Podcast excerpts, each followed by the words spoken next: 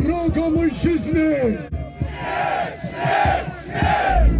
Tą hołotę polską języczną jak w 68 roku pogonimy do Izraela! LGBT, pederaści, syjoniści to są wrogowie Polski! Nacjonalizm. Won z naszego kraju!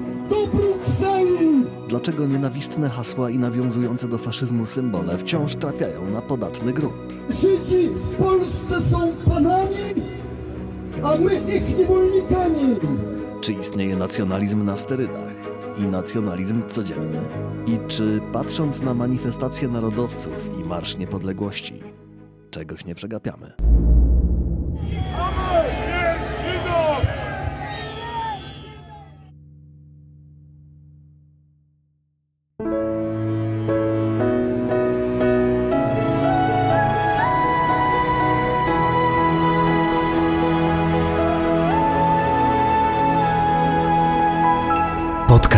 Powszechny. Weź, słuchaj. To jest podcast powszechny w studiu Tygodnika Powszechnego przy ulicy Dworskiej 1C w Krakowie. Witają Państwa Maciej Miller. i Michał Kuźmiński. Naszą gościnią dzisiaj jest pani doktor Agnieszka Pasieka. Antropolożka i socjolożka, pracownica Uniwersytetu Wiedeńskiego, chociaż sercem w Krakowie, prawda? Zajmująca się badaniami, to w dodatku jeszcze badaniami e, terenowymi, nad transnarodowym nacjonalizmem, badaniami etnograficznymi. Dzień dobry. Dzień dobry, bardzo mi miło, dziękuję bardzo za, za zaproszenie. Spotykamy się tutaj e, również w kontekście wywiadu, e, który, waszej, waszej rozmowy, która ukazała się w najnowszym numerze Tygodnika Powszechnego, tuż po 11 listopada. Kiedy to odbywał się oczywiście jak co roku marsz w Warszawie, ale też miało miejsce wydarzenie, kto wie czy nie głośniejsze w tym roku, wydarzenie w Kaliszu, kiedy to e, kilkuset narodowców e, spotkało się, teraz już należy mówić e, literkami zamiast nazwisk, pod wodzą Wojciecha O, Marcina O. i Piotra R, ten ostatni znany ze spalenia kukły Żyda e, we, na rynku we Wrocławiu. E, Ten pierwszy to taki pan, który, który dużo występuje na YouTubie, przebiera się w e, mundurki własnego projektu. E, Śmierć wrogom ojczyzny, tłum skandował śmierć Żydom, nastąpiło spalenie kopii statutu kaliskiego z 1264 roku, nadanego przez Bolesława Pobożnego, wyrównującego prawa ludności polskiej i żydowskiej. Spęd, wrzask, te, te sceny obiegły, obiegły świat. Władze miasta e, z panem prezydentem e, Krystianem Kinastowskim nie zareagowały, nie rozwiązały tego zgromadzenia. Dopiero później e, nastąpiły działania. Prokuratura podjęła sprawę, sąd panów trzech wymienionych literek zamiast, z literkami zamiast nazwiska aresztował na trzy miesiące, postawiając zarzuty nawoływania do waśni na tle narodowościowym y, i etnicznym. No i jak ty na to patrzysz jako badacz nacjonalizmu? To znaczy na to wydarzenie, e, na to wydarzenie trudno jest spojrzeć jako badacz, na to wydarzenie trzeba spojrzeć jako człowiek. To, jest, to było wydarzenie ohydne e, i nic dziwnego, że obiegło cały świat. Dziwne i przykre jest to, że nie zareagowały władze.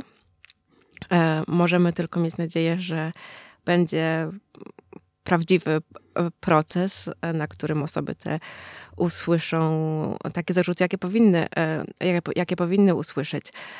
Sceny, które, które były nagrane, były przerażające z tego względu właśnie, że przywoływały na myśl sceny z okresu międzywojennego czy z okresu II wojny światowej. Nie chodzi mi tylko o samych ludzi podżegających do nienawiści i rzucających wszystkie te... Znaczy tutaj, dlatego mówię, że na to trudno spatrzeć jako badacz, bo tutaj nawet niewiele jest do interpretacji, że tak powiem. Jest tak oczywista skala nienawiści, tak oczywiste jest e, przywoływanie wszystkich takich kluczowych momentów, jak rok 68, zrównywanie Żydów z LGBT, z Brukselą, bo tam się pojawiały Tak, tak. te, te równania, że jest to tak naprawdę czarno, e, e, e, czarne na białym. To, co przeraża, moi, e, mm, wydaje mi się, to jest e, nie tylko przyzwolenie, ale i udział tłumu. Ja oglądając te, to nagranie po raz e, pierwszy dzisiaj oglądałam po raz drugi. Nie, nie, nie, byłam w stanie zobaczyć, jak bardzo liczna to była grupa, więc, e, więc tego nie wiem, ale bez względu na to, jak liczna to była grupa, wydaje mi się, ten, e, ten współudział to jest to, co bardzo tutaj martwi, bo, bo zachowanie tych osób, niestety w skali tego, co robiły w przeszłości, niestety mm, nie chcę powiedzieć, że, że, że nie dziwi, ale nie jest to pierwszy raz, gdy, gdy, gdy podejmują potworną antysemicką akcję. Ale powiedz, y, badając nacjonalizm w różnych krajach, y, bo mam wrażenie, że ciebie to jednak zaskakuje, dziwi to, co się wydarzyło. Czy, czy spotykasz się z takimi ekstremami? Czy to jest y, powszechne, normalne? Czy to się zdarza? Mhm. To znaczy, odpowiem może w, w taki nieco złożony sposób na to pytanie. Z jednej strony nie, nie dziwi mnie i ja miałam okazję uczestniczyć w jednym z wykładów osoby, która, który z tego co pamiętam, współuczestniczył wtedy w, spa, w spaleniu tak zwanej brzyduli e, i uczestniczyłam w jednym z wykładów, który on wygłaszał. I to jest bardzo ciekawe, ponieważ to dużo mówi o tym, jak, ten, jak, te, jak te antysemickie e, treści są przemycane. To był wykład dla e, członków obozu letniego e, e, organizacji, która nazywa się Obóz Narodowo-Radykalny. I podczas tego wykładu przywoływał dwie postaci. Jedna z nich bardzo ważna dla Tygodnika Powszechnego był to Józef Tischner i streszczał filozofię po goralsku, ale interpretując ją na własny użytek, mówił o znaczeniu piękna i o tym, że brzydula jest zaprzeczeniem piękna. Drugą osobą był Cyprian Norwid. Więc wykorzystując dwie postacie tego pokroju, przemycał te antysemickie treści, nawołując do czytania poezji i do czytania filozofii. Więc jest to ciekawe, że na takim wiecu mamy bardzo taki zupełnie prymitywny, ordynarny przekaz tego typu hasła, ale w innym kontekście te, te treści antysemickie mogą być pod przykrywką takiego intelektualizmu, uczymy filozofii, nawołujemy do czytania poezji i dla mnie to było wtedy szokujące, też bardzo trudne jako dla badaczki. To jest zresztą, bo Gdybym była tam tylko jako człowiek, to mogłabym wstać, zaprotestować, powiedzieć, koniec, nie mogę tego słuchać. A byłam tam jako bodaczka i musiałam robić notatki i tego słuchać. Więc nie, nie jest to zaskoczeniem, ale muszę powiedzieć, że to, to, to ten wykład w cudzysłowie, bo nazwijmy to, to wykładem w cudzysłowie, e, on odbył się w roku 2017 i od tego czasu obserwowałam raczej dystansowanie się środowiska obozu narodowo-radykalnego od tego typu e, treści. E, wydaje mi się, że jest to związane z pewnego, e, z jednej strony z tym chęcią zaistnienia w mainstreamie, o którym rozmawialiśmy trochę w wywiadzie, a z drugiej strony też e, z takim bardzo, e, no, też po prostu odrzuceniem antysemityzmu, takim autentycznym. Nie chodzi mi teraz tylko o takie instrumentalne podejście, nie zaprezentujmy się inaczej, ale też o o, o, o, o stwierdzenie, że nie, to już nie jest to, co e, antysemityzm to nie jest co, to nie są wartości, które wyznajemy.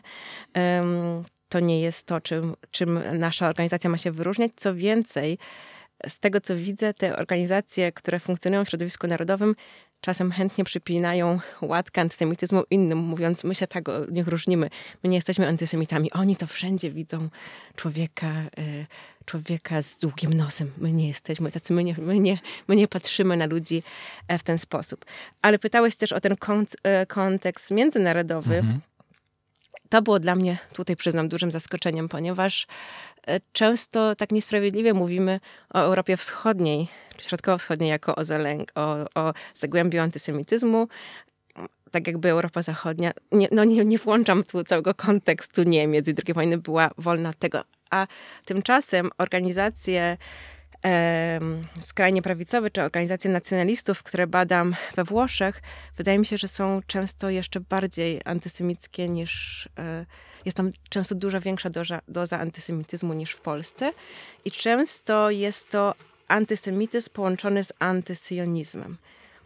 Pamiętam mhm. bardzo dobrze e, rozmowę z jednym, e, z członkiem e, organizacji, partii Forza Nuova, gdy zapytałam go o ich stanowisko w sprawach międzynarodowych, powiedział, to jest bardzo proste. Zawsze patrzymy na to, co robi Izrael i przyjmujemy stanowisko przeciwne. Prosta odpowiedź na moje pytanie Nie wiem, czy to, czy to, czy to pocieszające, że, że inni mają gorzej pod tym względem. Nie, nie. Y, Ale też myślę sobie, bo ty, ty mówisz o tym, że y, właśnie, że różne frakcje y, nacjonalistów patrzą teraz na ten antysemityzm jako na taki rodzaj anachronizmu, że się tym po- potrafią etykietować, że to nie my, prawda, że to tam ci gorsi, ci nieprawdziwi nacjonaliści i tak dalej. A tymczasem, jeżeli popatrzeć na to, co widać w mainstreamie, co... ym, Boże, y, od lat jak wygląda, jak wygląda y, marsz 11 listopada. Y, Treści jawnie odwołujące się do symboliki neonazistowskiej, nienawistne hasła. W tym roku ten, to obwieszczenie stylizowane na nazistowskie, prawda? No, znaczy jakaś fiksacja potworna, idąca właśnie tym takim najbardziej skrajnym nurtem, przywołująca tego rodzaju skojarzenia, tego rodzaju retorykę, no wydaje się dominująca w tym ruchu. Czy rzeczywiście tak jest? Czy to my patrzymy przez ten pryzmat na nacjonalistów jako takich? Jeżeli tak, to co przegapiamy? Myślę, że w pewnym sensie rzeczywiście tak jest. To jest i tutaj pewnie wielu tych działaczy powiedziałoby, my po prostu czerpiemy z własnej tradycji, a nasza tradycja zaczęła się w roku 34, tak powiedzą, tak powie wielu e, działaczy narodowych, więc po prostu nawiązujemy, inspirujemy się tym, co było w okresie e, międzywojennym. Nazizm jest tu już bardziej problematyczny, ponieważ e, polscy, polscy narodowcy w ogóle na przykład nie biorą pod uwagę współpracy z organizacją niemiecką, która nie wyrzekła się dziedzictwa nazizmu. E, Przepraszam, się wtrącę, bo z jednej strony, z jednej strony nie biorą pod uwagę, a z drugiej otwarcie posługują się tego samego, tym samym kodem kulturowym. Tak, właśnie do tego chciałam, chciałam nawiązać. Więc jest, jest tu ten paradoks, że z jednej strony teoretycznie odrzucamy, odrzucamy nazizm, zresztą no, cała polska martyrologia zbudowana jest na cierpieniu Polski podczas II wojny światowej, a z drugiej strony pewne te, e, pewne te symbole stały się już takimi, to jest taki to są symbole, które krążą w takim globalnym obiegu tych ruchów e, narodowych i oni po prostu raczej z tego takiego globalnego repertuaru mm, czerpią. Y, tu jest, y, ja wiem, że będę tutaj pewnie dzisiaj często powtarzać o tym, że jest trochę tak i trochę tak. Niestety, tak to jest, że rzeczywistość okazuje się zazwyczaj dużo bardziej złożona niż nam się wydaje. I zauważyłam na przykład, że w obrębie mm, samego obozu na- narodowo-radykalnego są bardzo duże podziały o to, jeśli chodzi na przykład o stosunek do postaci takich jak Leon Negrel, bel, belgijski nazista. Część jest zafascynowana jego pisarstwem, bo to jest takie wezwanie do działania, do bycia prawdziwym chrześcijaninem. Część mówi, jak to jest możliwe, przecież on skompromitował tę ideę, przychodząc z Wehrmachtem do Polski e, potem podczas II wojny światowej. Więc są często bardzo duże podziały w obrębach tych organizacji i myślę, że dokładnie e, ten sam problem widzimy w przypadku tego plakatu, że niektórzy ludzie powiedzieliby, przesadziliśmy, czy przesadziliście, nawiązując bezsensownie do nazistowskiej retoryki, a inni powiedzą, ale żeby zaszokować właśnie trzeba, e, trzeba, niech o nas znowu mówią, bo to jest też no, taka prosta zasada, nieważne, że źle mówią, byle mi mówili i chcemy zaszokować i, i właśnie to odniesienie do tej nazistowskiej, więc niektórzy będą to używać, e, uważać jako prymitywne i głupie i woleliby ten pierwszy plakat, na którym stoi dwóch, dwie, stoją dwie osoby podające sobie rę- ręki i to hasło niepodległość nie na sprzedaż, a inni powiedzą nie, żeby zaszokować te liberalne media, musimy właśnie zrobić coś takiego i w ten sposób dobiec Trzaskowskiemu. Więc myślę, że ten plakat, nawoływanie do takiej retoryki czy, symbo- czy symboliki, jest to coś, co część środowiska niekoniecznie u- uważa za symbole im bliskie, ale uważa za symbole, które trzeba na potrzeby walki, e, walki z wrogiem, czy tego zaistnienia w sferze publicznej wykorzystywać. No jednocześnie z tym plakatem pseudonazistowskim opublikowano inny, który się jakoś e, e- echa może nie, nie, nie, nie, nie zrobił w mediach, ale e, przedstawiono na nim Romana Dmowskiego i Józefa Piłsudskiego razem idących w, w, w- Marszu Niepodległości, jak rozumiem. Też fascynujące nawiązanie do, do, do historii, e, no bo no, historyka zęby, od, od czegoś takiego. No wiadomo, że te, te dwie postacie no, trudno zestawić obok siebie. No, to, to byli dwaj najwięksi antagoniści dwule- dwudziestolecia międzywojennego. Postacie wręcz no, no, no, symbolicznie stojące po różnych stronach, a tutaj idące razem. No ale ta, ta narracja się nie, nie przebiła. Bardziej atrakcyjna była ta z, z, z ogłoszeniem, pod którym był e, nieistniejący generał e, nazistowski podpisany. Mm, To znaczy, za, przede wszystkim zauważmy, że Piłsudski był w tle. Dmowski był na pierwszym planie No na tym tak. plakacie, więc to już dużo mówi.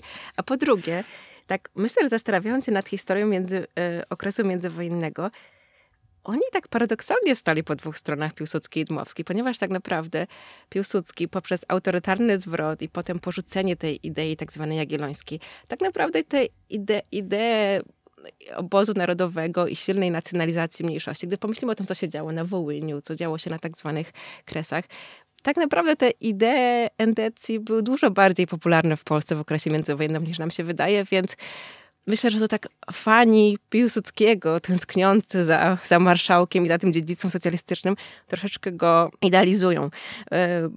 Badacz amerykański Paul Brykczyński, który napisał książkę o zabójstwie Narutowicza, e, tak trafnie oddaje e, podstawę e, Piłsudskiego, mówiąc, Piłsudski był romantykiem, ale jego metody na pewno nie były romantyczne. I właśnie tam był pewien, pewien idealizm, ale potem dużo tych idei indeckich naprawdę się przenikało, więc w tym sensie oni są obydwaj e, ojcami polskiej niepodległości. Zresztą ten splot właśnie idei takich z lewej i z prawej strony to już najbardziej potem widzimy najsilniej w okresie komunizmu, bo to tak naprawdę to polscy komuniści zrealizowali w pełni ideały indecji, więc widzimy jak to się bardzo w taki skomplikowany sposób jest to splecione w polskiej historii. I jeszcze można by tak interpretować tą obecność Dmowskiego i Piłsudskiego tak, że tak jak już opowiadałam, część, część ludzi uważających się za radykalnych nacjonalizmów bardzo silnie dzisiaj nawiązuje do dziedzictwa socjalizmu. No i to może właśnie byłaby ta obecność e, Piłsudskiego tutaj, chociaż Piłsudski twierdził, że wysiadł z pociągu socjalizm na stacji Niepodległość. Dołącz do grona dobroczyńców podcastu Tygodnika Powszechnego w serwisie Patronite. Do tego socjalizmu na pewno jeszcze wrócimy y, dzisiaj w rozmowie, y, ale zatrzymajmy się jeszcze na chwilę przy historii, bo my obaj z Maćkiem zostaliśmy pod dużym wrażeniem. Nie wiem, czy nazwać to erudycją historyczną, no ale jednak y, sięgnięcie do Bolesława Pobożnego, do 1264 roku i do statutu kaliskiego przez, w czasie tej, tej kaliskiego, kaliskiego spędu antysemickiego, no zrobiło na nas jakieś wrażenie. Znaczy, jaki tu jest potencjał manipulowania historią, zawłaszczania treści, prawda, czy, czy podkładania swoich treści pod, pod wydarzenia historyczne, nie? Ale to wygląda też trochę tak, jakby jakiś research archiwalny zrobili po to, żeby dokopać się korzeni zła, w cudzysłowie, znaleźli przywilej z okresu rozbicia dzielnicowego. E, Ale jednak, jednak to jest za, zadziwiające, że dokonano takiego aktu w sumie przemocy jakiejś symbolicznej, ale sięg, sięgając już nie do historii najnowszej, nie do historii przedwojennej, tylko do historii z głębokiego średniowiecza. E, Tak, mogę powiedzieć, że e, przed 2016 roku, to jest rok, w którym zaczęłam robić badania, też by mnie to zaskoczyło. Nie zaskoczyłoby mnie to dzisiaj, albowiem to, jak wielu ludzi wykształconych bardzo dobrze jest w tych ruchach i to właśnie, jak oni wykorzystują swoją wiedzę, czy jako historycy, czy jako antropologowie, czy jako specjaliści od komunikacji, po to, żeby właśnie w różny sposób wzmacniać ruch. Czy właśnie poddając sugestie historyczne, czy właśnie promując, adaptując na użytek ruchu antropologiczną definicję kultury, czy na przykład jako specjaliści komunikacji, ucząc innych, jak, jak, tu, jak można dotrzeć do ludzi, jak właśnie komunikować się, jak różne PR-owskie strategie uruchamiać, więc bardzo jest dużo ludzi wykształconych e, w tym środowisku i to tacy ludzie zapewne zrobili odpowiedni research na, na, na, na, na pożytek tego wydarzenia. Wydaje mi się, że w Polsce pokuptuje, zresztą nie tylko w Polsce, pewnie wszędzie takie pojęcie, że osoba wykształcona, e, oczytana, to jest troszeczkę synonim osoby liberalnej, otwartej. To tak nie działa. Chcielibyśmy, żeby tak działało, ale tak nie działa. O to dokładnie chciałem cię teraz zapytać, o, y, bo mamy ten ym, powtarzany już do znudzenia, prawda, y, w memach, y, w ym, opowieściach o, o marszu y, ym, 11 listopada. Motyw, że z jednej strony jest to czoło marszu, prawda, z tą całą naziolską y, symboliką, okrzykami i tak dalej, a potem idą te rodziny z dziećmi, prawda, czyli ta, ta, takie, ta taka dobra, uśmiechnięta, rodzinna Polska, która chce zamanifestować swoje przywiązanie, patriotyzm, niepodległość. Fascynować. Teraz mnie to nie przestaje fascynować, bo ja, mój problem z marszem polega na tym, że ja się czuję wykluczony y, z prawa do manifestowania swojego przywiązania do mojej ojczyzny. Znaczy, to jest do tego stopnia mi obcy język, że, że ja już nie mam miejsca na to, żeby się odnaleźć. Znaczy, myślę, że na tym poniekąd też nacjonalizm polega, prawda, że, że no to jest narracja wykluczająca. I teraz y, mieszczą się jednakowoż za tym czołem marszu ogromne rzesze ludzi, którzy pewnie nie mają wytatuowanej swastyki w miejscach y, może nie zawsze światu pokazywanych, prawda?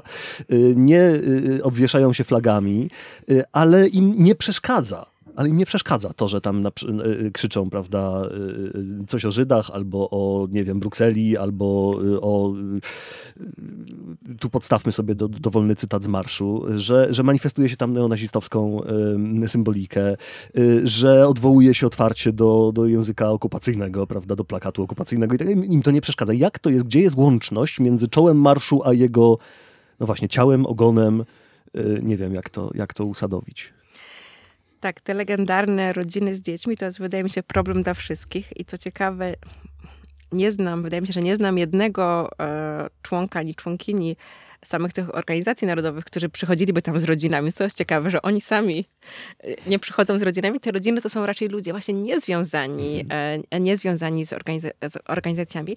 I ja muszę przyznać, że nigdy z tymi ludźmi nie rozmawiałam, nie robiłam jakiejś łapanki na ulicach, nie pytałam, dlaczego pan tu jest. Nieraz, e, bo byłam, brałam udział jako obserwatorka w marszu trzy razy, szłam w, obok tych ludzi i zastanawiałam się, jak to jest możliwe, że idzie matka i mówi dziecko, zamknij uczy, uszy, bo teraz brzydkie hasło krzyczą.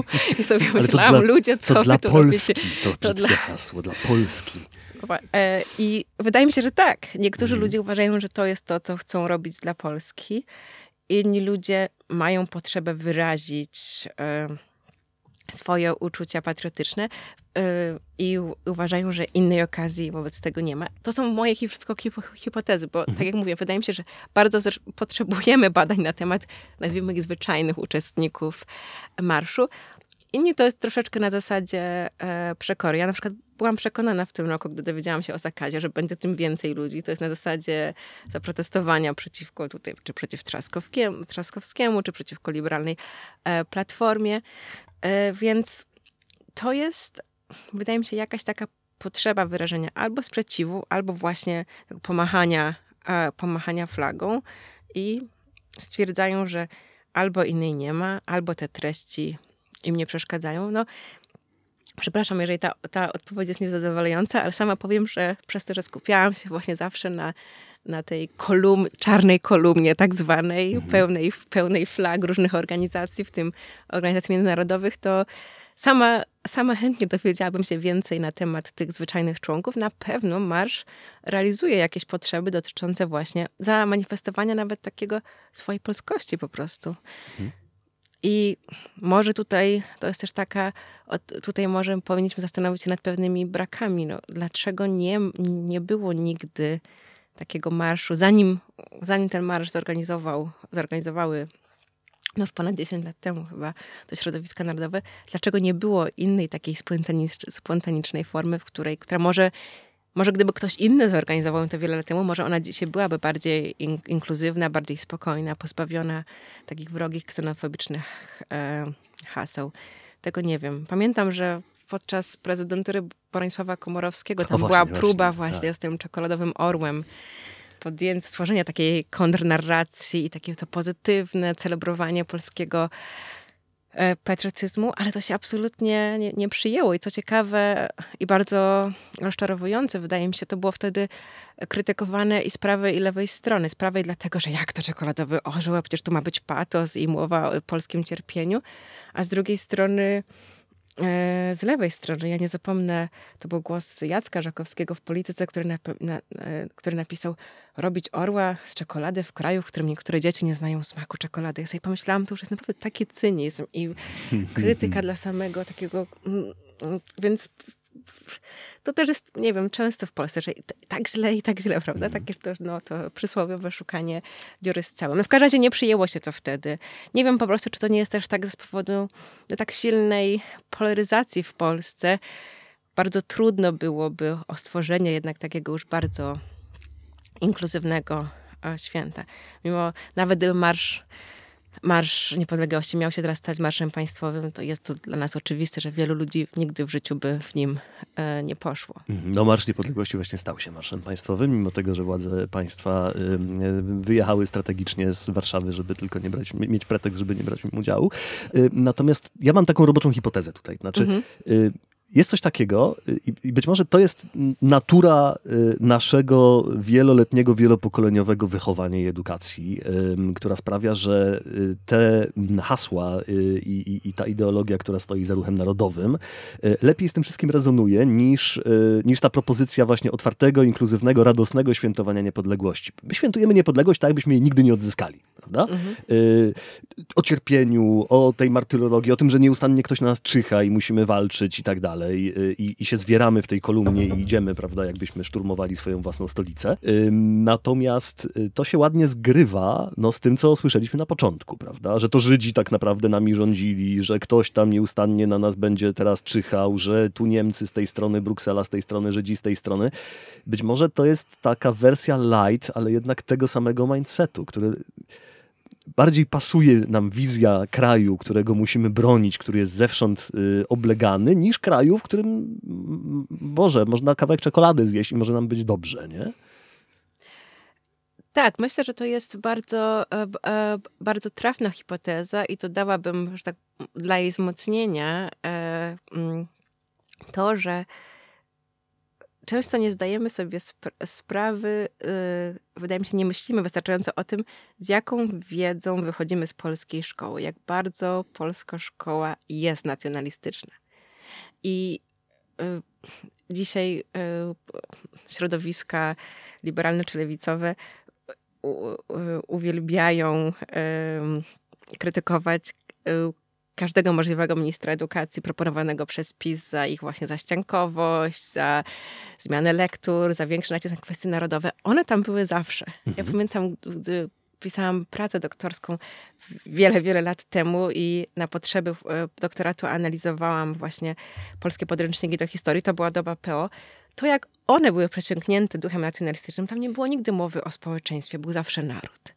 Ten nacisk właśnie na tę martyrologię, na cierpienie Polski, na wyjątkowość, pokazywanie historii świata zawsze przez pryzmat Polski. Co Polska, e, co, co, jak, jak, co możemy powiedzieć o Polsce, mówiąc o historii Stanów Zjednoczonych na tej zasadzie, więc ci ludzie trafiają na ulicę, e, na, na ten marsz, być może to, to jest część tego mindsetu takiego, prawda? I on jest w tym sensie to jest taki, no właśnie, nacjonalizm light, wpojony nam przez edukację, potem umocniony przez różne treści telewizyjne, przez taki codzienny przekaz i tak, w tym sensie e, w tym sensie myślę, że to tak, mm, to tak może działać. to, co tutaj się często nie zgadza w tej, jakoś tak zaprzecza może tym to jest duże poparcie Polski dla Polaków dla Unii Europejskiej, prawda? To jest taka enigma, którą wielu badaczy spróbuje. Jak to jest możliwe, że my tu mówimy o nowej okupacji ze strony Brukseli i nowym okupancie, Moskwa zamieniona na Brukselę, a z drugiej strony tak wielkie poparcie. I to jest też jakaś taka kwestia, wydaje mi się, warta bliższemu przyjrzeniu się, bo Wydaje mi się, że cynicznym byłoby stwierdzenie, że to chodzi o same transfery finansowe. Nie, wydaje mi się, że jest jakaś taka paradoksalna koegzystencja z jednej strony tej właśnie tego upartego bronienia naszej nie, polskiej niepodległości, czy ciągłej walki o nią i polskiego prawa do zdania, a z drugiej strony takiego zadowolenia z tego, że tak, jesteśmy w Europie, co więcej, jako Polska odgrywamy w niej coraz większą rolę i jesteśmy przed burzem chrześcijaństwa i bronimy Teraz też granic bronimy, prawda? Monety będziemy bić. No. Otóż to. Mhm. Y, chciałbym mały spoiler zrobić, y, y, jeśli chodzi o nasz wywiad.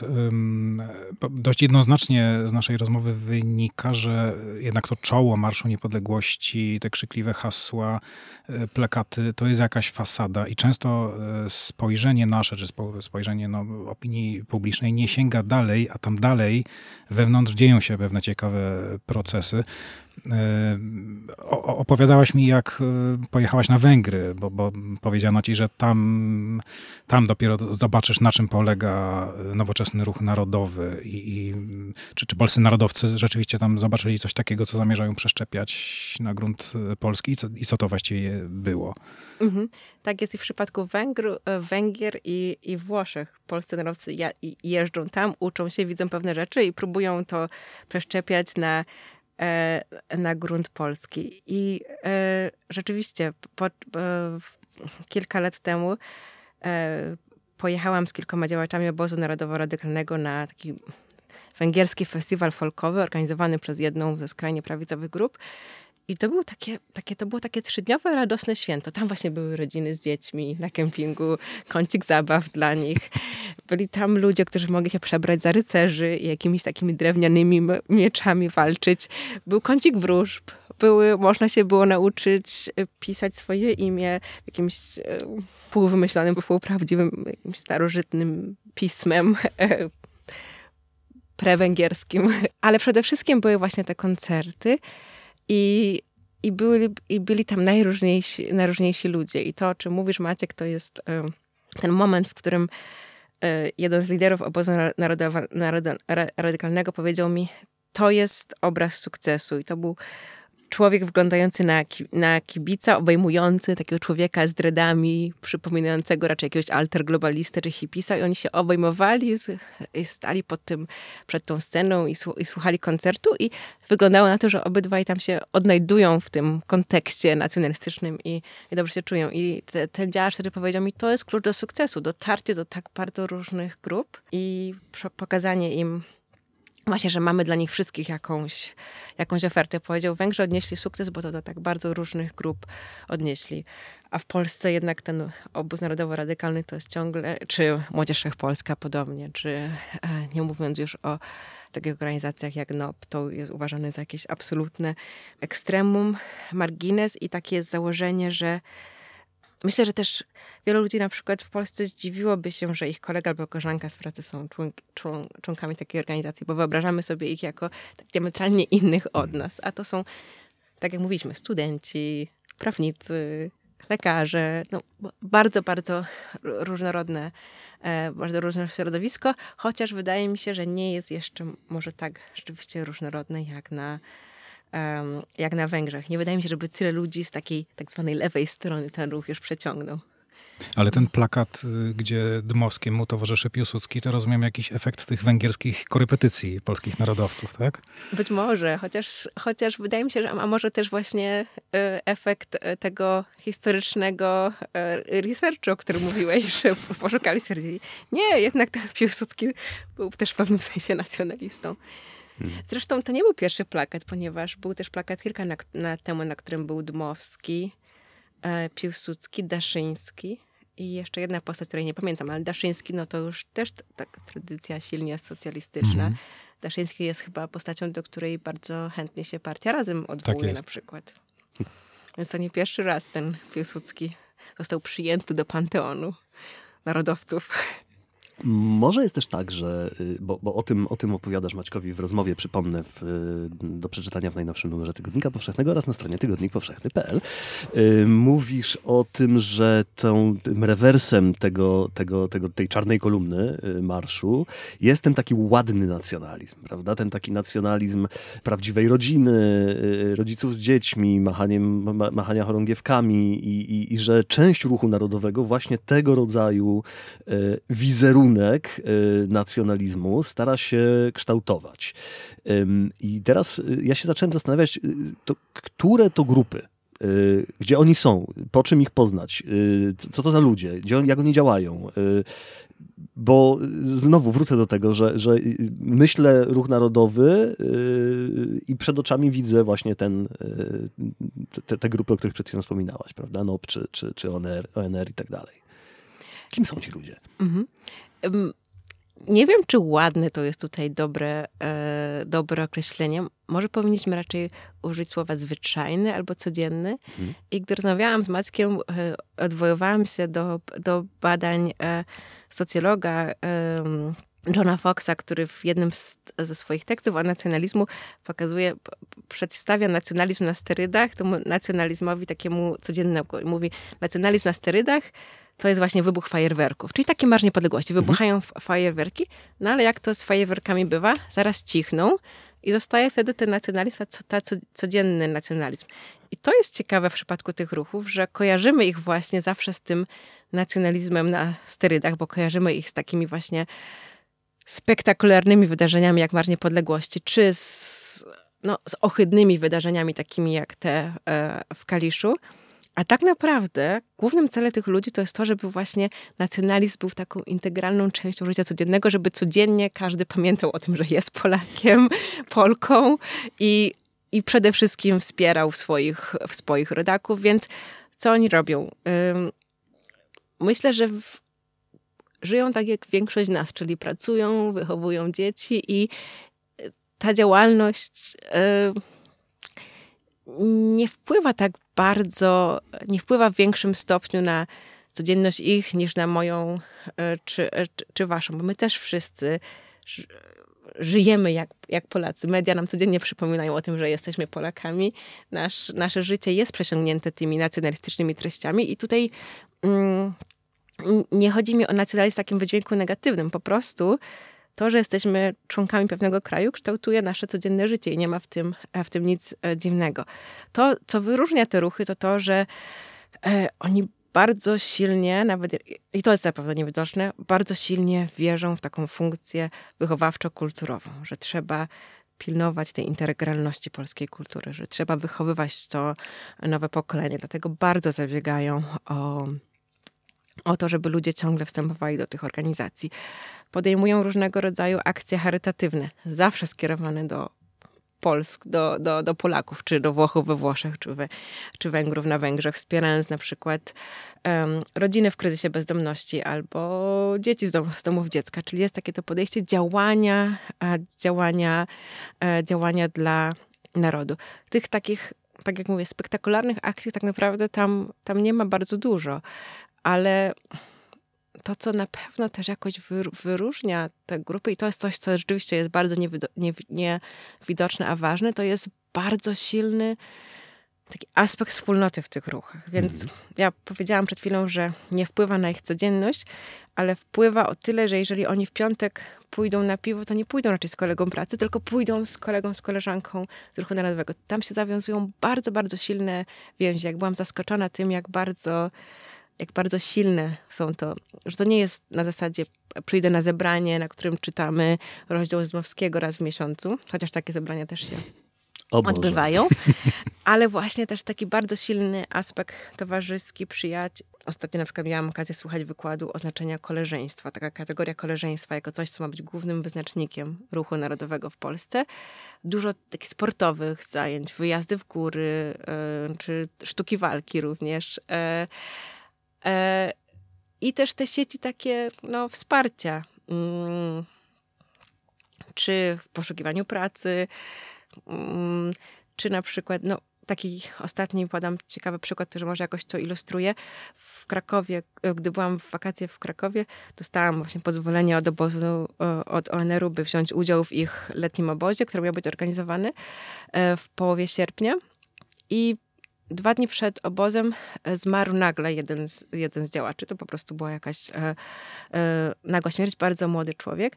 I oni wtedy zrezygnowali z organizacji obozu i całe pieniądze, które mieli uzbierane na obóz, przekazali na wsparcie rodziny i dziecka. Mm, mhm. Tego, e, ponieważ to był chłopak, wydaje mi się, że nawet nie 30-letni, który nagle osierocił bodajże dwójkę mhm. dzieci i żonę. To była momentalna akcja, plus jeszcze zbiórka bardzo dużą sumę pieniędzy wtedy uzbierali na wsparcie tej rodziny, więc to są, to jest to, jak te, dlatego podkreślam ten aspekt wspólnotowy e, wsparcia. Nie chcę tutaj absolutnie sugerować, że organizacja o charakterze lewicowym nie działa w ten sposób. Jeżeli działa, to wskazywałoby to wręcz na to, że te ruchy społeczne działają bardzo podobnie i że musimy też patrzeć na narodowców nie tylko przez pryzmat tego przymiotnika narodowy, ale też właśnie jako ruch, to co wyróżnia ich jako jako po prostu takie specyficzne środowisko, które nie jest partią polityczną, ale które właśnie chce mieć pewien wpływ na rzeczywistość polityczną i u nich właśnie ten aspekt um, wychowawczy, kulturowy jest bardzo ważny. Kiedyś jeden z działaczy tak opowiadał mi to mówiąc, wiesz, każdy ma różne talenty i zdolności i my musimy właśnie pomóc ludziom wykorzystywać, więc jeden jest dobry do tego, żeby z plakatami biegać po nocy i sprayować, a drugi jest dobry w tym, żeby objaśniać filozofię innym ludziom. Hmm. To jest też taka właśnie to też myślę, że sprawia, że wielu ludzi zostaje w tych grupach, że oni się czują dowartościowani, bo ktoś dostrzega ich potencjał i mówią, okej, okay, to ja się mogę teraz sprawdzić jako no właśnie e, osoba robiąca plakaty w, w, w, w Photoshopie.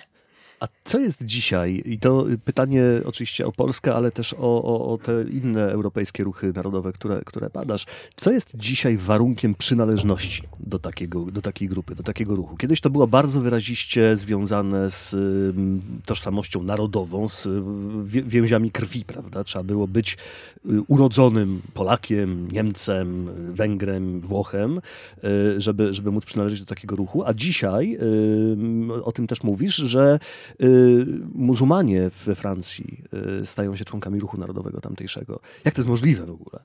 Jest możliwe z tego względu, że ruchy te starają się zmierzyć z problemami demograficznymi Europy na przykład i stają przed e, takim dylematem. Przyjmujemy tylko etnicznych Francuzów na przykład, czy ludzi, którzy po prostu akceptują e, francuską kulturę.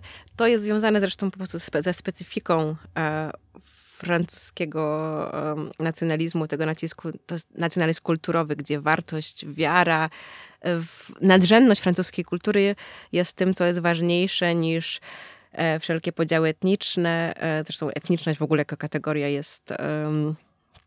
E, nie, nie, funkcjonuje, e, nie ma czegoś takiego jak mniejszość etniczna.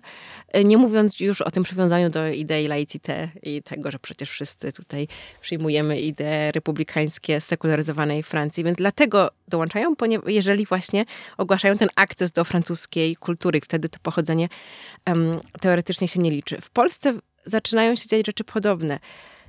Wśród narodowców wielu jest ludzi, którzy nie są praktykującymi katolikami, którzy raczej przy, wyrażają przywiązanie, szacunek do religii katolickiej, czy szerzej dziedzictwa e, chrześcijańskiego.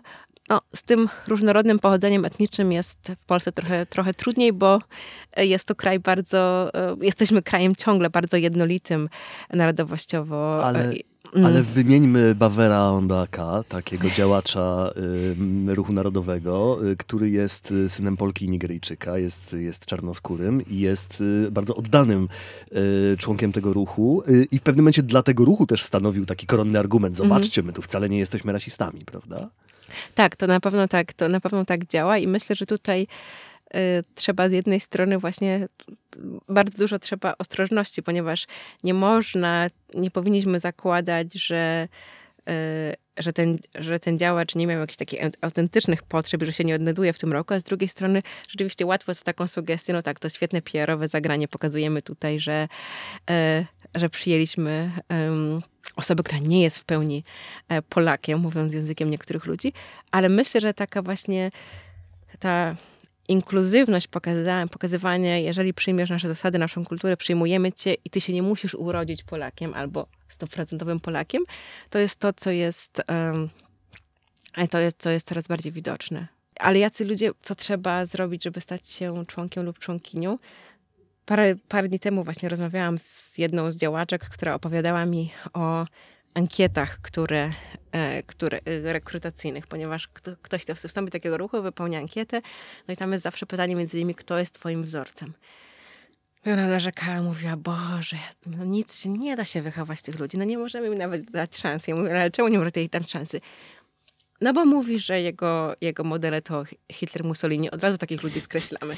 Więc to jest ciekawe, że wielu ludzi... Yy, którzy próbują się dostać do tych ruchów, myślą, że zapunktują czymś Aha. takim, prawda? Że Aha. powiedzą, a, a właśnie dla tych, dla tych działaczy jest to absolutne, skreślają ich, powiedzą, że to nie jest ta droga. Nawet jeżeli jestem pewna, że gdzieś tam idee Mussoliniego się pojawiają w elementach tej edukacji, którą, o, o, którą um, otrzymuje każdy działacz i każda działaczka, to na pewno nie są to modele, które ci, raczej ten Dmowski, Piłsudski, mhm. jeśli już.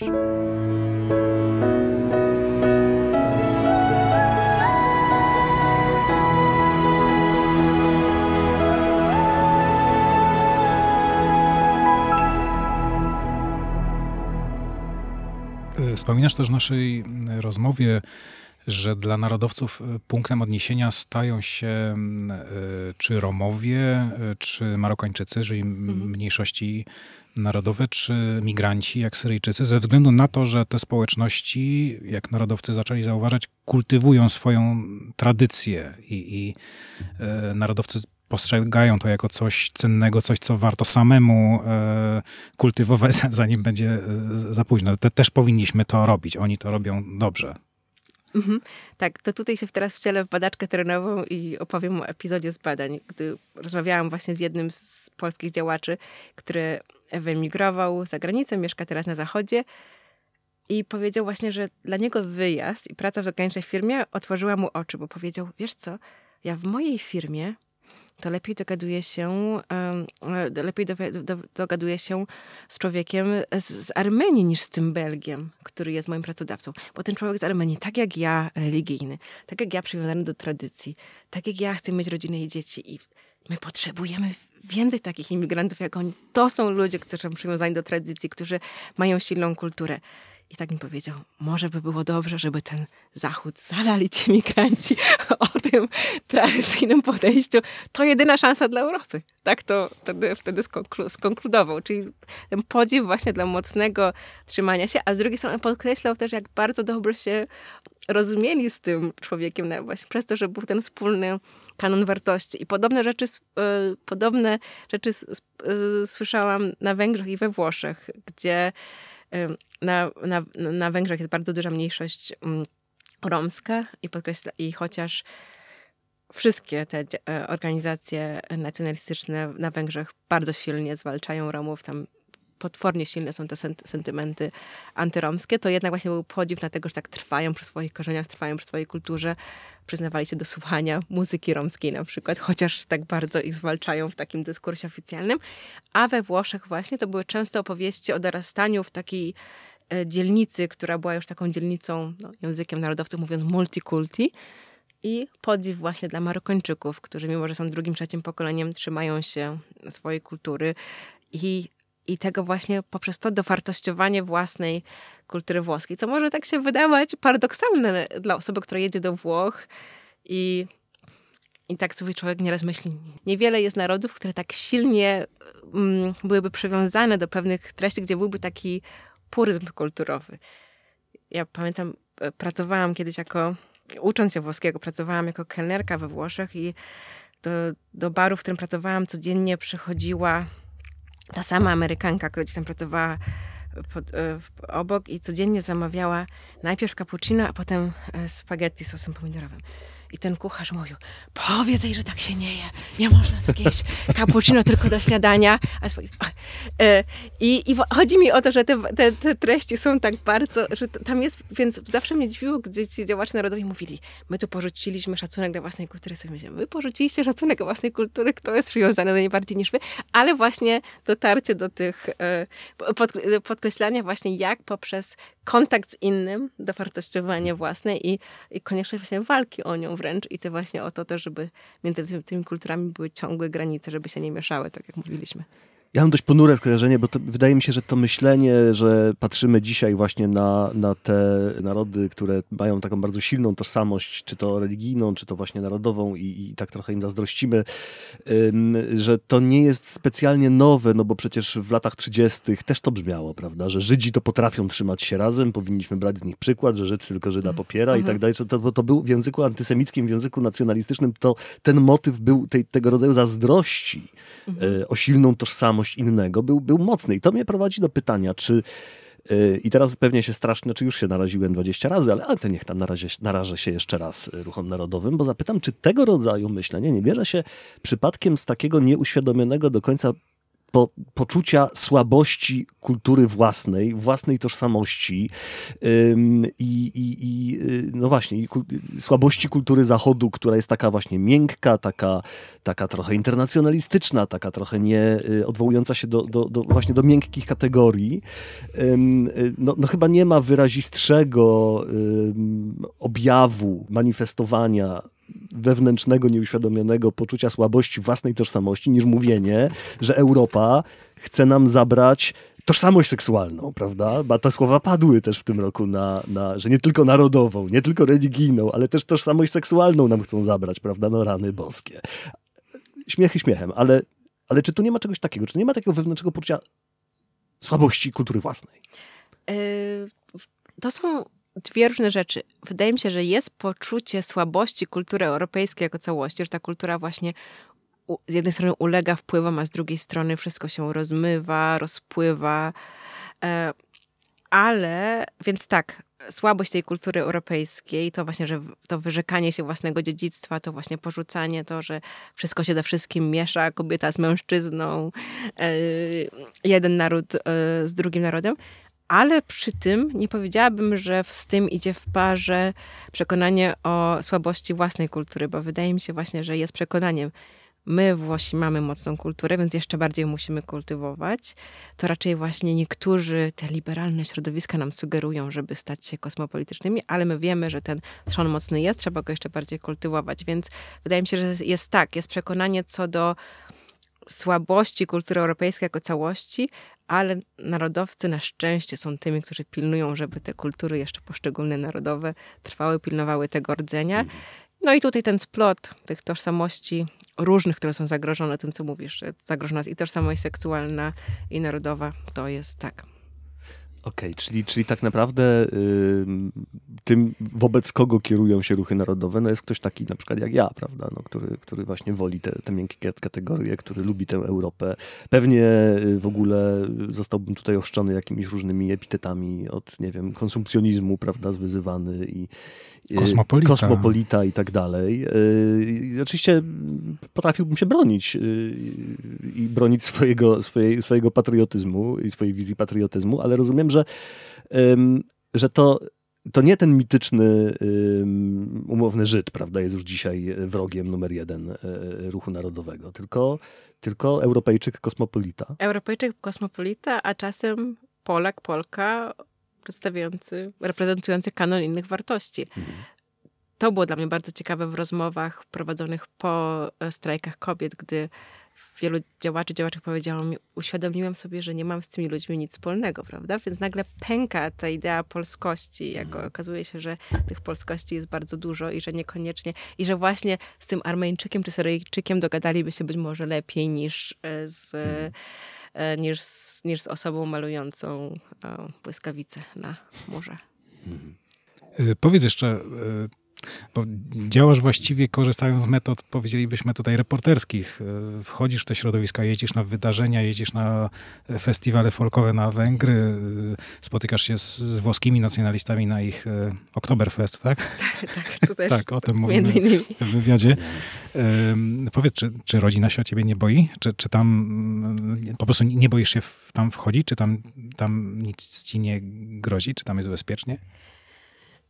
Miałam bardzo dużo e, obaw na początku i bardzo dużo czasu zajęło mi w ogóle e, ja przez pierwsze sześć miesięcy po tym, gdy mm, otrzymałam możliwość robienia tych badań przez pierwsze sześć miesięcy robiłam taki desk research, zastanawiałam się, czy mogę zamienić moje badania terenowe na antropologię dyskursu i, i, i nigdy się z tymi ludźmi nie spotykać. I i potem nie mogę tutaj opowiedzieć całej tej historii, jak, jak doszło do pierwszych spotkań, nawiązania kontaktu, ale paradoksalnie pomogła mi w tym pewna reporterka. Otóż e, może pamiętacie, że e, podczas Marszu Niepodległości, to był 2016 rok, e, w gazecie wyborczej w dużym formacie okazał się taki reportaż, którego autorka wstąpiła na 3-4 miesiące do jednej z organizacji, z tego co pamiętam do ONR-u, potem nagle zniknęła i napisała artykuł o tym wszystkim. Czyli to były takie po prostu badania prowadzone w ukryciu, nigdy tego nie przyznała. Ten reportaż wtedy spotkał się z dużą krytyką. Ja pamiętam, jak Jerzy Sosnowski nazwał go reportażem pachnącym siarką, bo to właśnie było, chodziło o te metody. Ja pamiętam, że wyjechałam wtedy na Marsz Niepodległości, kupiłam ten duży format, zobaczyłam ten, ten artykuł i pomyślałam sobie, ja jestem skończona oni mnie już nigdy ze mną nie porozmawiają, a to było dopiero po moich pierwszych próbach podejścia. I mimo tych obaw poszłam na spotkanie, które te grupy organizowały przed marszem i podszedł do mnie wtedy jeden z liderów i powiedział, teraz widzę, jak bardzo różni się twoja metoda, że od początku nam mówisz, hej, jestem lewaczką, ale chciałabym was zrozumieć, bo ja mniej więcej tak się przedstawiałam. I oni to bardzo docenili po prostu, że ja nigdy nie udawałam, że chcę wstąpić, że bardzo często wchodzi, wchodziłam w nimi dyskusję, wchodzę z nimi do dziś. Wczoraj na przykład widziałam się z kilkoma działaczami i rozmawialiśmy o kryzysie na granicy, bo byłam bardzo ciekawa, co na temat myślą. I są zawsze te spory. Wydaje mi się, że oni dlatego decydowali się ze mną rozmawiać, bo widzieli, że nie udaje na przykład, że się, że się zgadzam, tylko mówiłam wprost.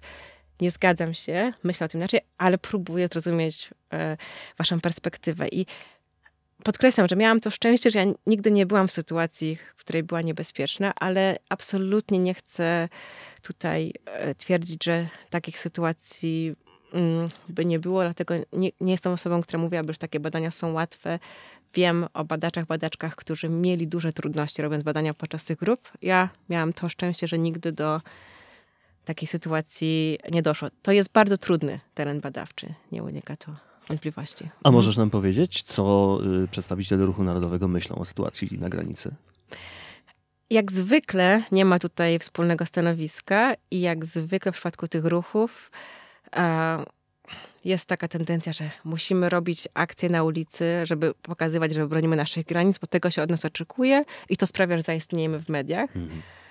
Ale zdania są bardzo podzielone i wczoraj właśnie w dyskusji, którą prowadziłam z działaczami, powiedzieli mi, że uważają, że mamy obowiązek przyjąć ludzi z, e, ludzi z Iraku i z Afganistanu, ponieważ to my we współpracy z Amerykanami, z tym okropnym hegemonem, przepraszam za wyrażenie, rozpieprzyliśmy im kraj.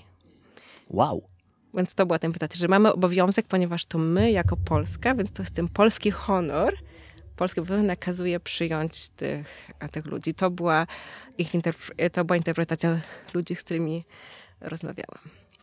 E, więc tak jak mówię, te stanowiska są bardzo różne i nie mówię, że to stanowisko, które cytuję się tutaj przybije do głównego nurtu, bo w tych, w tych ruchach, tak jak podejrzewam w większości partii politycznych, zawsze jest właśnie ta scena i to zaplecze sceny, o którym mówimy, prawda? I się decyduje, co pokazujemy na scenie, a pokażemy raczej plakat Bronimy naszych granic.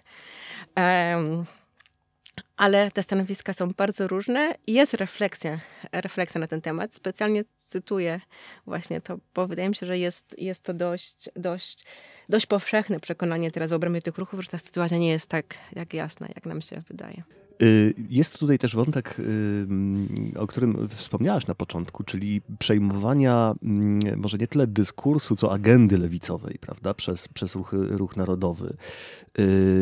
Y, o tym, że, i to pozwolę sobie wręcz zacytować, mówisz, mówisz w rozmowie na łamach tygodnika, współczesna scena nacjonalistyczna rozpięta jest między wizją znacjonalizowanego socjalizmu, a neoliberalnym modelem gospodarki, między wizją organizacji jako wspólnoty, działalnością partyjną oraz pomiędzy różnymi wizjami polskości. I tak się zastanawiam, jeżeli tak jest faktycznie, że to e, ruch narodowy musi się zaopiekować tymi tematami, którymi powinien się zajmować, powinna się zajmować lewica, które są powiedzmy tradycyjnie przynależne lewicy. E, to co też takiego się stało? Co zawaliła? Co zawaliła lewica? Co zawaliła, zawalili liberalni demokraci? E, że ten, e, ta wizja świata otwartego, wizja świata opiekuńczego, zatroskanego, inkluzywnego jest mniej atrakcyjna dla Polek, Polaków, y, niż wizja tego świata narodowego, y, zamkniętego, broniącego swoich granic, prawda, mówiącego z pozycji y, Poland First, żeby zacytować klasyka. Mhm. Nie tylko y, broniącego granic, ale też broniącego ludu pracującego. To jest bardzo ciekawe, o, prawda? Że to mhm. jest właśnie broniącego tej pracownicy Biedronki, E, osoby, która, która została wyrzucona z Amazonu i trzeba zacząć przeciwstawiać się tym globalnym korporacjom. E, tutaj Polskę trzeba wpisać w taki szerszy kontekst światowy. Od lat mówi się, że lewica, czy, czy właśnie czy takie centrum lewicujące zajmuje się tylko tym jest już tylko ta obsesja na temat identity, te identity issues. Mówiło się, że dlaczego Hillary Clinton na przykład przegrała wybory w Stanach Zjednoczonych i wydaje mi się, że chociaż to już jest troszkę powtarzane jak, jak mantra, że się nie, że porzucili te kwestie um, socjalne na rzecz kwestii tożsamościowych. Myślę, że coś w tym jest i dla mnie trafną diagnozą tego zjawiska była wypowiedź e, e, Rafała Matyi, który w tekście dla krytyki politycznej napisał, że czasem, gdy, gdy znajduje się w jakimś środowisku właśnie e, partii czy działaczy lewicowych w Polsce, to czasem zastanawia się wręcz, czy, czy używa odpowiedniego języka, czy wszystko, co tu mówi, jest jakieś takie politycznie poprawne. I, i, to, i, I to mówi Rafał Matej jako osoba wykształcona. I wydaje mi się, że ta hermetyczność języka, to, że rzeczywiście wielu partii działaczy lewicowych nie jest w stanie dotrzeć do tak zwanego ludu w tym stopniu, co właśnie e, e, e, ruchy narodowe. Wydaje mi się, że w tym w pewnym, w, w pewnym sensie tkwi ten sukces. Ja mówiłam o tym, że ten chłopak, jeden z działaczy będzie tłumaczył filozofię dla innych, a inny, prawda? To, to jest taka, to, taka wiara w to, że można pewne kwestie przetłumaczyć, że można dotrzeć do różnych grup ludności, a nie zamykanie się w jakiejś elitarnej bańce. Ja wiem, że to, co mówię, nie jest, nie jest niczym nowym. Ten argument jest od lat, ale wydaje mi się, że niestety niewiele się w tej kwestii, w tej kwestii zmieniło i w tym sensie procesy w Polsce są z jednej strony odzwierciedleniem tego, co dzieje się na świecie, jeśli chodzi o takie przesunięcie lewica-prawica, kto, e, kto na kogo głosuje.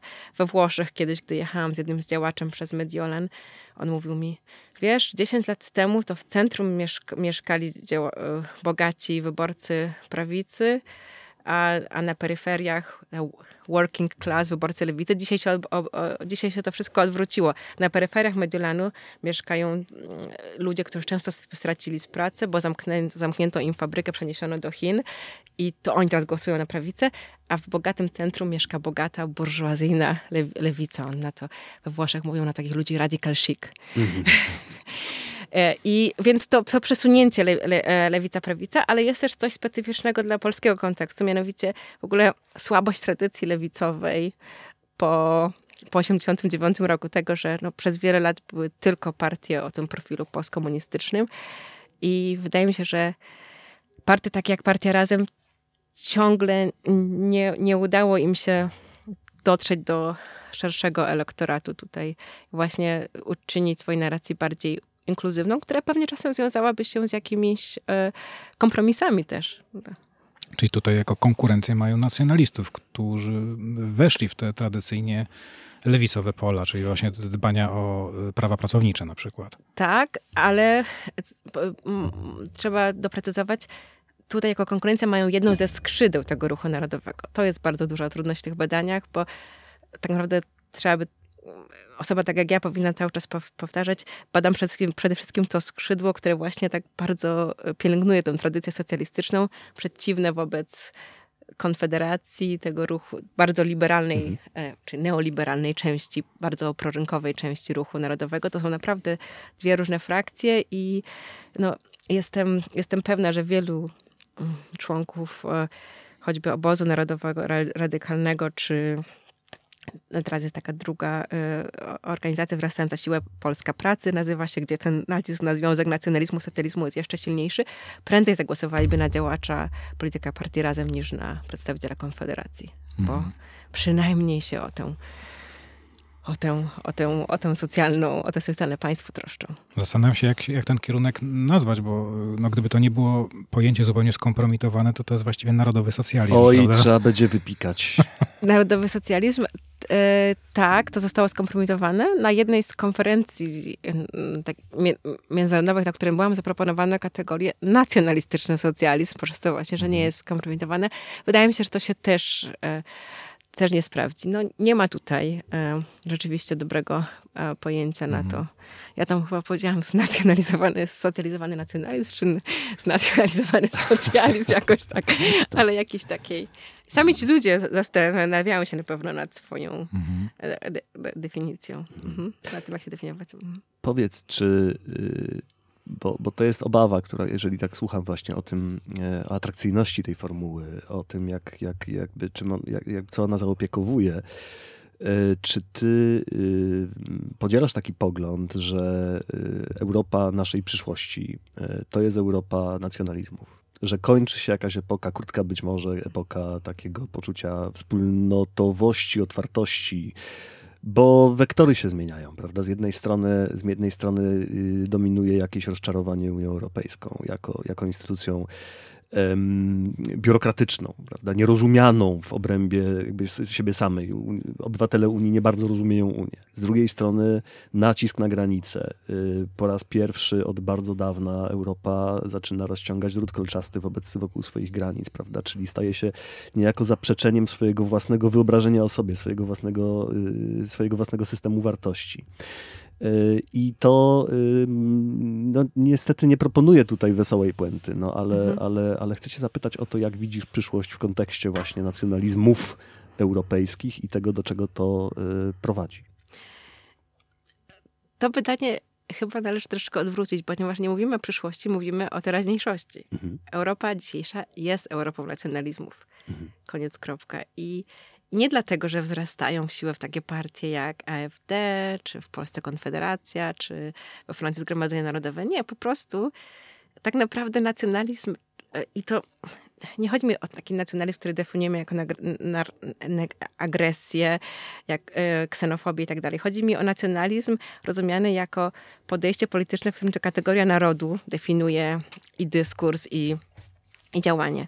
Tak działa Unia Europejska. Unia Europejska jest e, klubem państw, które są nacjonalistyczne i pandemia, wydaje mi się, pokazała to bardzo dobitnie, bo gdy zaczęły się pierwsze e, e, gdy zaczęły się, no, gdy po raz pierwszy wzrastała właśnie ilość zakażeń w kraju, w którym mieszkam, w Austrii, w Tyrolu i potem we Włoszech, to nie było mowy o jakiejś takiej ponadregionalnej współpracy, chociaż był to tak naprawdę region górski, można było tutaj jakąś Włochy, Austrię podjąć jakąś współpracę. Nie, każdy nagle zaczął sam walczyć o szczepionki, walczyć, y, nie o szczepionki wtedy jeszcze, Maseczki. ma, ma, ma, to by- były egoizmy narodowe tak bardzo zawsze, zawsze wychodzą, e, wychodzą na, na, na pierwszy plan. Były jakieś nieliczne przypadki, gdy Niemcy brali e, z innych krajów ludzi do, szpitala, do szpitali w, re, w regionach granicznych, więc wydaje mi się, że Europa jest, e, jest e, to, to, jest, to zbiór róż- różnych nacjonalizmów. Pytanie tylko, czy te nacjonalizmy mogą stać się takimi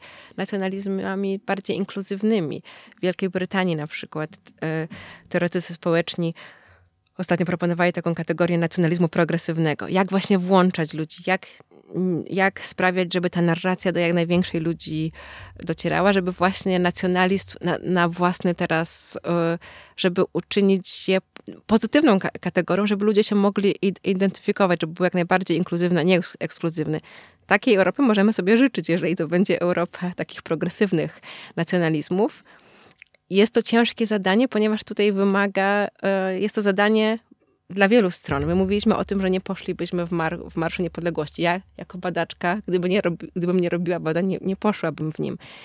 Ale my, e, odrzucając tych ludzi, którzy idą w marszu, my też jednocześnie sobie stwarzamy jakąś inną wizję Polski. To też jest wizja taka nacjonalistyczna, to jest jakaś inna wizja narodu, którą chcielibyśmy mieć, bo inaczej sobie tę Polskę wyobrażamy, więc my wszyscy tymi kategoriami operujemy. Więc pytanie jest, czy narodowcy potrafią stworzyć wizję bardziej inkluzywną, ale czy my też nauczymy się rozmawiać z, narodowcami i jakoś ich, czy tutaj jest szansa na, na, na, jakiś dialog i bardziej właśnie taki inkluzywny, em, nie chcę tu jakiejś utopijnej wizji, jakiejś harmonii społecznej, która zap- zapanuje, ale wydaje mi się, że jest miejsce na jakiś bardziej inkluzywny nacjonalizm, taki nacjonalizm progresywny, e, państwo narodowe. Czyli jest możliwy taki nacjonalizm w różnych krajach, takie nacjonalizmy w różnych krajach europejskich, żeby mimo to wspólnota się nie rozpadła, tak? Bo w, jakimś potocznym wyobrażeniu nacjonalizmy się y, no, nie przyciągają, tylko wprost przeciwnie, odpychają. To, to jest wizja fałszywa, jak rozumiem, tak? Nacjonalizmy mogą ze sobą współpracować. Nacjonalizmy wręcz muszą ze sobą współpracować, ponieważ nacjonaliści współpracując ze sobą utwierdzają się na- nawzajem w przekonaniu i legitymizują swoje, e, swo, swoje istnienie. W tym sensie nawet w XIX wieku, gdy powstawały różne narody. No, nacjonaliści e, w różnych krajach cieszyli się, że wzrasta gdzieś tam ruch narodowy i że to będzie nowy porządek. Czym innym są jakieś takie tereny graniczne, gdzie, gdzie jest konkurencja o, o, pewien region, czy o, to, o, o przekonanie pewnej, pe, pewnej, pewnej grupy, że nie, wy tak naprawdę jesteście Francuzami, czy wy tak naprawdę jesteście Niemcami, ale generalnie tak, ra, współpraca między nacjonalizmami, czy nacjonalistami, czy po prostu państwami narodowymi jest czymś jak najbardziej racjonalnym. To może jakaś y, odrobina światła jest w tej puencie jednak, że mimo, że państwa europejskie już teraz są nacjonalistyczne, no to jednak ta nasza wspólnota jakoś trzeszczy, ale funkcjonuje. Pytanie, jak dalece możliwe jest, możliwe jest otwieranie się nacjonalizmów na to, co wewnątrz nich, prawda? To znaczy na y, obywateli, którzy y, na rozmaite sposoby y, inaczej definiują swój patriotyzm, y, inaczej definiują swoje tożsamości, a też chcieliby przynależeć do wspólnoty szerszej niż tylko ta wspólnota zdefiniowana bardzo wąsko i, i nacjonalistycznie właśnie. Pytanie, czy to, czy to jest możliwe? Czy, czy nacjonalizm zakłada, że zawsze y, no, no właśnie, y, lewactwo, geje, Żydzi i, i, i całe to y, imaginarium, prawda, znajdzie się na zewnątrz naszej wspólnoty, czy też nacjonaliści są y, otwarci na dialog? Tutaj trudno, wydaje mi się, o jednoznaczną odpowiedź. Myślę, że to jest często kwestia czasu, przemian, takiego czasem bardzo pragmatycznego podejścia. No świetnym przykładem jest tu partia AfD w Niemczech, która stwierdziła właśnie, że docieranie do, e, do stawianie się, siebie jako partii, która broni praw homoseksualistów jest tym, co jest właśnie kluczem do takiego dla nich nowo, nowoczesnego nacjonalizmu. Więc tutaj dużo zmian jest dyktowanych niekoniecznie przez jakąś taką zmianę mindsetu, ale takie właśnie bardzo pragmatyczne stwierdzenie, ok, oceniamy sytuację, co, co, co daje nam efektywność. Czyli polityka. Czyli Polityka, tak, ale też ten dialog, tak jak mówię, jest e, bardzo ważny tutaj z drugich, z, z, z, dwóch stron. Tak jak już wspominałam, ruchy narodowe bardzo dużo i chętnie czytają i z lubością kiedyś jedna z działaczek podesłała mi artykuł, który był opublikowany w Rzeczpospolitej, którego tytuł był Uprzedzony jak liberał. Był, był to artykuł oparty na rzetelnych badaniach, e, mhm badacza, którego imienia niestety nie pamiętam, ale który właśnie pokazywał, że ta skala uprzedzeń wobec innych ludzi jest po stronie liberalnej większa niż po, po stronie prawicowej, jeśli chodzi o to, jak patrzymy na e, patrzymy na właśnie swoich przeciwników politycznych. I tutaj wydaje mi się, że warto poszerzyć tę dyskusję o to, jak w Polsce mówimy nie tylko o ludziach, którzy mają inną wizję narodu, w tym jak my mówimy o młodzieży wszechpolskiej, młodzież wszechpolska o nas, ale też jak mówimy o ludziach, którzy są w ogóle w jakiś sposób od nas różni. Dla mnie do dziś jest szokiem to, że wyrażenie takie jak wieśniactwo albo wieśniak do tak niedawna funkcjonowało w Polsce w języku i nie, nie spodziewało się z większym przeciwem. To jest, nie, to jest naprawdę niezwykłe, jak bardzo język jest wykluczający, jeżeli chodzi o kategorie różne. Drugi przykład z dzieciństwa, nie tak wcale wczesnego, późnego, pamiętam popularność e, kawałów przychodzi baba do lekarza, to jest niesamowite. Aha. Czy kawałów o blondynek na przykład, jak tak. bardzo nasz język jest przeciągnięty takim wyśmiewaniem się, pogardą i tak dalej, więc tutaj rzeczywiście jest tak dużo miejsca na uderzenie się w piersi i zastanowienie się, jak my w, w takim życiu codziennym wykluczamy różnych ludzi ze wspólnoty i to nie chodzi tylko właśnie o inne podejście na, pol na polskość, ale o sposób ubierania, o sposób mówienia. E, parę lat temu e, moi znajomi z socjologii z Krakowa wrzucali na Facebooku, to bardzo, bardzo chętnie był lajkowany taki post, e, zresztą jakoś z zagranicy dotrzał do Polski, który głosił, była tam półka z książkami na rysunku i było napisane, jeśli nie czytasz książek, nie idę z tobą do łóżka. Tak, tak klasowy plakat, tak i, i w, w, tym czasie, gdy ten post był tak bardzo popularny, lajkowany, robiłam badania e, na Łemkowszczyźnie i rozmawiałam z wieloma starszymi mieszkańcami wsi, którzy nie tylko nie przeczytali żadnej książki, nie umieli czytać ani pisać, a mądrość życiowa, jaka płynęła z tych ludzi, ja tego nigdy nie zapomnę, tego ile się o nich nauczyłam, o życiu, o stosunkach ludzkich, o, o świecie po prostu. Więc niesamowite jest właśnie to, jak bardzo wykluczamy, czasem nawet takim głupim lajkiem. Mhm. I jak dużo jest takiej bezref bezrefleksyjności w tym. I myślę, że to, że to jest puenta. Bardzo, bardzo serdecznie y, dziękujemy za tę rozmowę.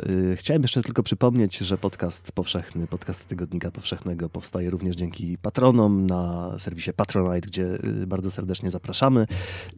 I chciałem też powiedzieć, że niech naszym skromnym dowodem przywiązania do ojczyzny będzie to, że podcast powszechny jest pierwszym podcastem w Polsce, który nazwę podcast pisze przez K, a nie przez C. I jest powszechny. I jest powszechny. Bardzo dziękuję za rozmowę. Y, doktor Agnieszka Pasieka, antropolożka, y, socjolożka, badaczka y, nacjonalizmów, była gościem podcastu powszechnego. Jeszcze raz serdeczne dzięki. Dziękuję bardzo. Dzięki.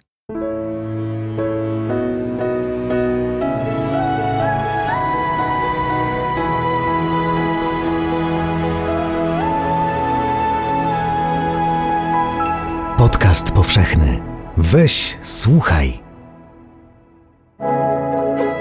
Jeśli słuchają nas Państwo w Spotify albo w Apple Podcast, zasubskrybujcie nasz kanał. Jesteśmy też w Google Podcast i w aplikacji Lekton oraz na www.tygodnikpowszechny.pl/podcast. Wykorzystane we wstępie nagrania z manifestacji narodowców w Kaliszu 11 listopada 2021 roku to cytaty z materiałów udostępnionych na Twitterze.